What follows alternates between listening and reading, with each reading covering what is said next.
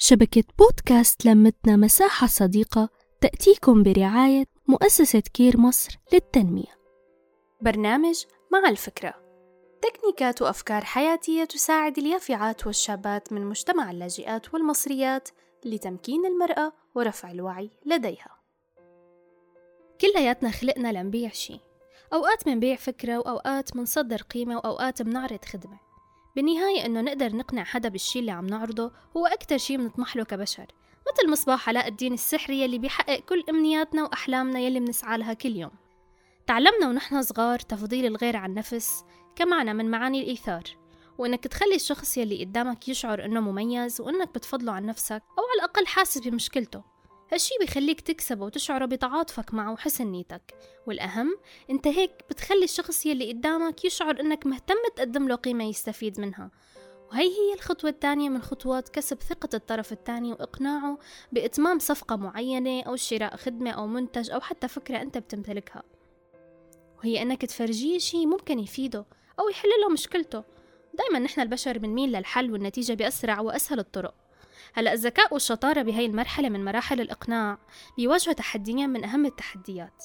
أول تحدي هو مدى قوة كلماتنا وأساليب الحكي وانفعالاتنا الحركية والخارجية وقد بيلعبوا أدوار كتير هامة بفعالية التواصل مع الطرف الثاني.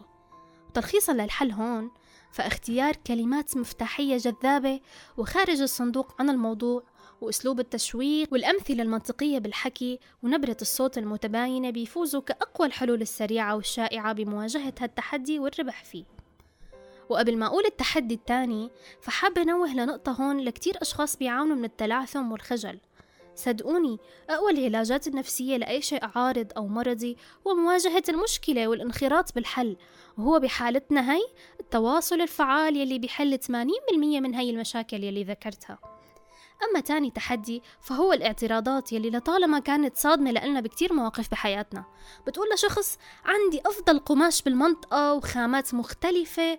فبيبدأ يسيل الأسئلة والنقاش والاعتراضات.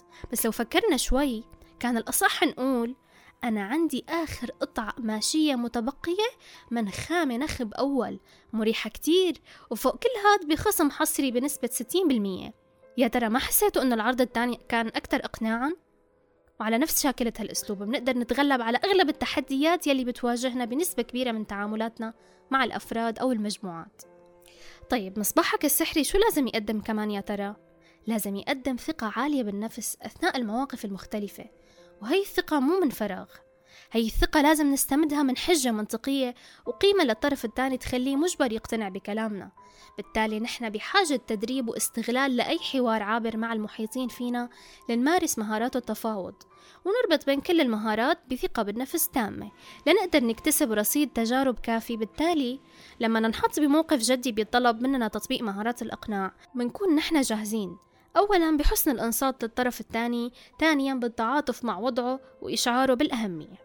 ثالثا بتقديم عرض قوي بكل ثقة بيتضمن قيمة للطرف الثاني والأهم إنه هي القيمة تقدم له حلول منطقية لأنه نحن البشر مثل ما قلنا ميالين للحجة والدليل الملموس يلي بيرضي مخاوفنا. وأكيد كل هالعملية بتتطلب حس عالي بمشاعر وإيماءات البشر وبالمقابل التواصل معهم أيضا بشكل معبر ومقنع. وهيك بقدر لكم إنه مصباحكم السحري رح يعطي مفعوله مع يلي قدامكم.